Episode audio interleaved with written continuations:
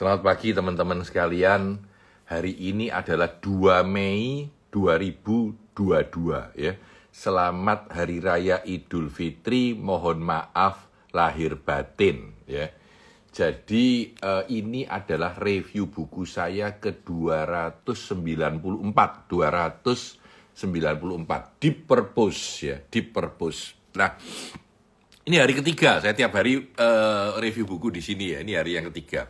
Jadi uh, buku ini di Purpose saya lihat pertama kali ada di uh, Barnes Noble waktu saya di Emeryville di Amerika baru-baru ya.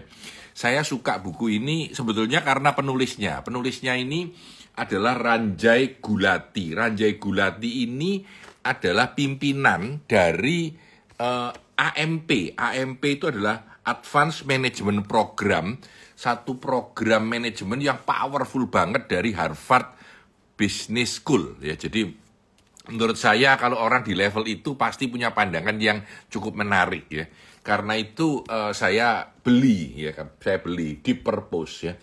Jadi inti dari uh, pers, uh, buku ini kalau dipendekkan menjadi satu kalimat adalah kalau kita mampu mempunyai purpose yang bagus dan menularkannya pada seluruh organisasi, maka profit akan naik, perusahaan akan lebih maju, dan bisnis akan lebih baik. Itu kira-kira sederhananya begitu. Nah, pertama saya ingin mengupas sebetulnya apa sih purpose itu? Nah, ini what is really purpose ya. Purpose itu sebetulnya apa?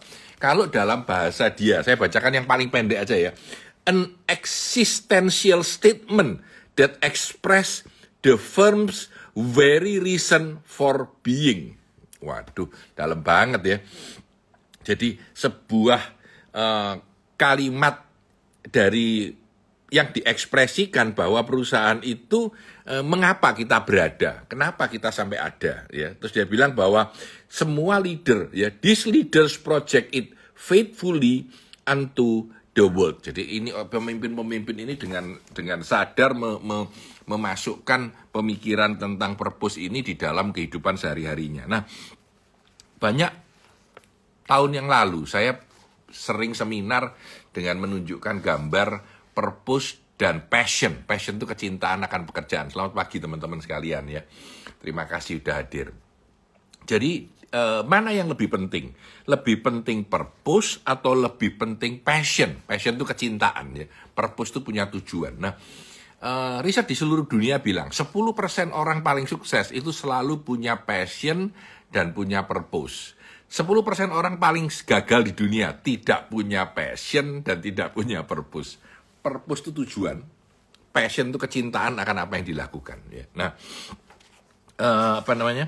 Saya pingin memulai dengan sesuatu yang agak unik aja ya. Jadi saya sering cerita bahwa saya ketemu seorang sopir di Palembang yang bekerja begitu keras, yang bekerja begitu keras, ya. Lalu dia uh, bisa sukses. Kenapa waktu dia sukses?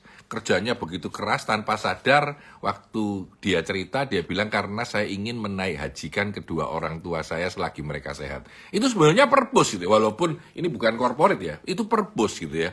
Kalau passion itu kecintaan. Apakah sopir tadi suka dengan menyetir mobil? Tidak pasti gitu ya tidak pasti. Mungkin iya mungkin tidak. Tetapi purpose driving menuju sukses jauh lebih powerful daripada passion banyak orang yang passionate dengan pekerjaannya. Saya punya banyak teman yang hobi sulap, hobi uh, hipnotis, tapi tidak tidak tidak tidak bagus gitu ya. Nah, ini ini ini menarik ya. Dalam buku ini karena ini buku corporate ditunjukkan banyak sekali selamat pagi semuanya ya. Eh, banyak sekali contoh-contoh dari corporate. Nanti saya akan ambilkan beberapa contoh yang menarik ya. Nah, yang pertama dulu, yang pertama dulu dia bilang tentang Convenient purpose. Apa sih yang disebut dengan convenient purpose? Convenient purpose ini adalah purpose yang diada-adakan, dibuat